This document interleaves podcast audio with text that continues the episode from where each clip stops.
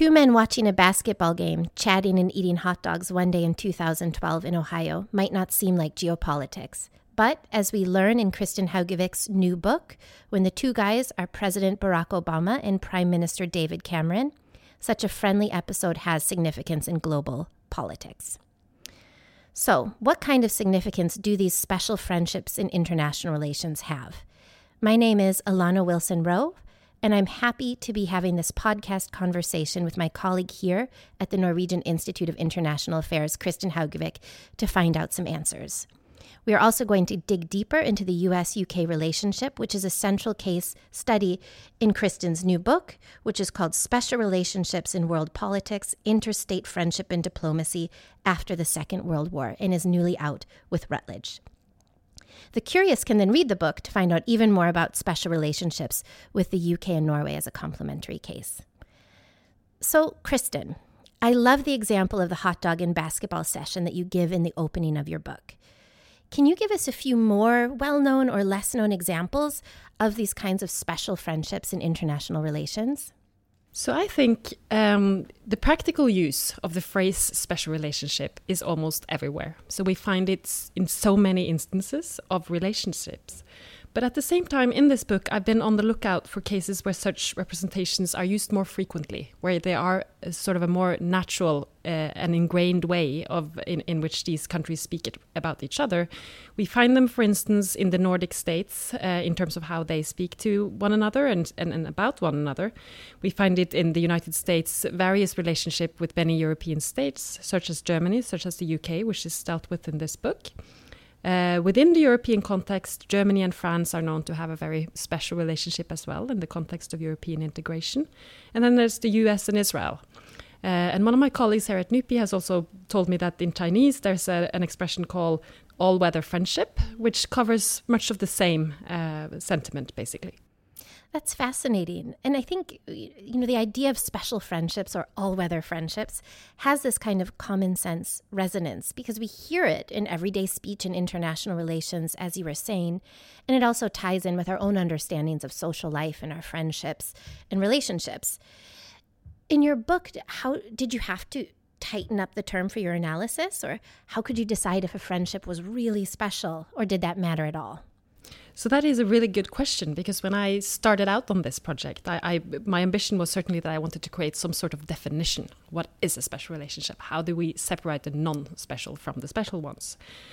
But as I set out to to explore this, it, it turned out, as I said, that uh, so many state leaders use this concept, and so many journalists, so many scholars about different relationships. So what I did instead was to to try to look for uh, the relationships where these terms are used, as I said, more systematically, more frequently, and also to see what kind of expectations and actions that follow from these uh, formulations well, it's going to be impossible for you to summarize all of the book's theoretical and methodological choices for this brief co- podcast, but I'm wondering if you can tell us just a couple of the tools or concepts that were most important in bringing special relations into focus. So, in this book, what I do is that I trace representations of the other over time. So, I try to see the see the representations that they use in everyday language in important political contexts, but I also look at how um, how these representations are operationalized, if you like, into practices at both the front stage and the backstage of inter the international political scene. So, for instance, I divided into to what I call practices of recognition and practices of trust, looking, for instance, at how often uh, state leaders visit one another, who is the first state leader to visit when a new president in the United States, for instance, comes into office. And very often that turns out to be the British Prime Minister. Uh, but I also uncover through interviews with diplomats who work with these relationships how uh, they work with one another. And one thing they tell me is, of course, that they very easily pick up the phone to call one another when they have an issue on uh, on mind. Uh, they will easily call the other, and I think these types of practices tell us something about uh, the value that is attached to these different relationships. So, the US and the UK are one of the classic examples of special friendships in your book, as well as in kind of public understandings of international relations. Do you think we'll soon see Donald Trump and Theresa May taking in a sports event and eating some junk food together? Well, that is an excellent question. And I think what I uncover in my book is on the one hand that this is, you know, less about the individual leaders over time.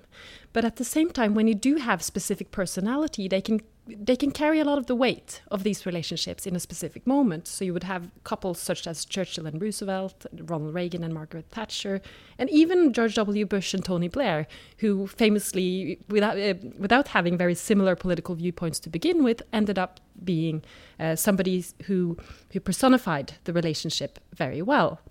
Uh, so with Theresa May and Donald Trump, we of course have this um, this uh, image from the first time they met when they held hands.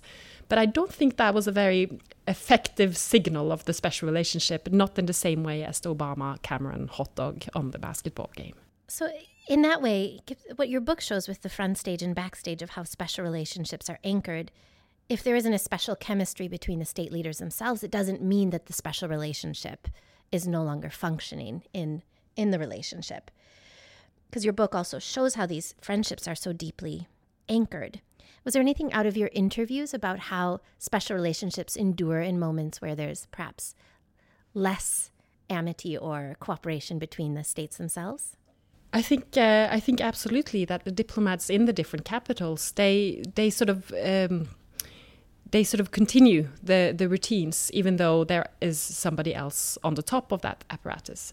So I think that is very true to say. I mean, somebody told me in an interview once that you know we don't need to to bring over the entire dog and pony show every time a new leader comes. It's not about that, although the press is about that and the public is a lot about that. But for the diplomats themselves, there is a lot about simply the everyday interaction, the ability to call the other without too much fuss, and even the practice uh, that I was very um, uh, fascinated to learn namely that US and, and, British diplomats actually have access cards to one another's foreign ministries. So, to the State Department in the US and to the Foreign Office in London, they can actually bypass the queue and easily get into one another. And I think that's a fascinating example of how special the relationship actually is.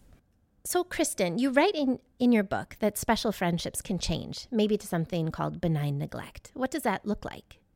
So in the book, I, I, have this second relationship that I investigate. In addition to the to the UK US relationship, I also look at at Britain's relationship with Norway, and and that is also a fascinating relationship because just after the Second World War, this was a relationship that was very important, especially to Norwegian policymakers, and it was a lot about the cooperation during the war.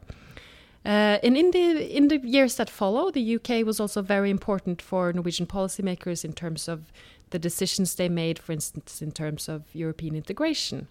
Uh, later on, other states more and more took over that role. The United States became the most important security ally of Norway's.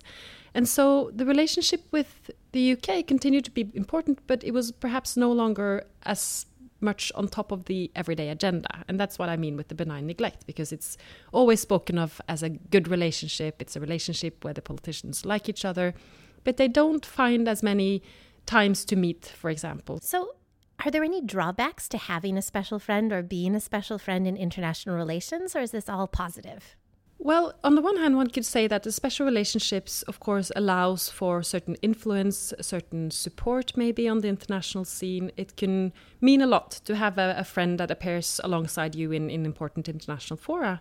Of course, the drawback could be uh, if you as a country in your foreign policy would have a divergent posi position. So if there would be a war, for instance, that was not uh, did not have as strong domestic support, uh, and that one still would feel the importance of contributing troops. Um, of uh, of giving support in the public to the other country, and uh, and one of the examples that come to mind would be the Iraq War, of course, where many many people would say afterwards, or many critics would say afterwards that uh, that Tony Blair was also caught in this this uh, rhetoric of the special relationship that it became very important for him to be the most important ally in that situation. Fascinating, Kristin. After reading your book, I know every time I hear the word special relationship, I will have a lot of new analytical tools in, to think about it with. And it's interesting to learn how cooperative relations and positive images also drive and constrain international relations. Thank you very much for coming in to talk about your book today.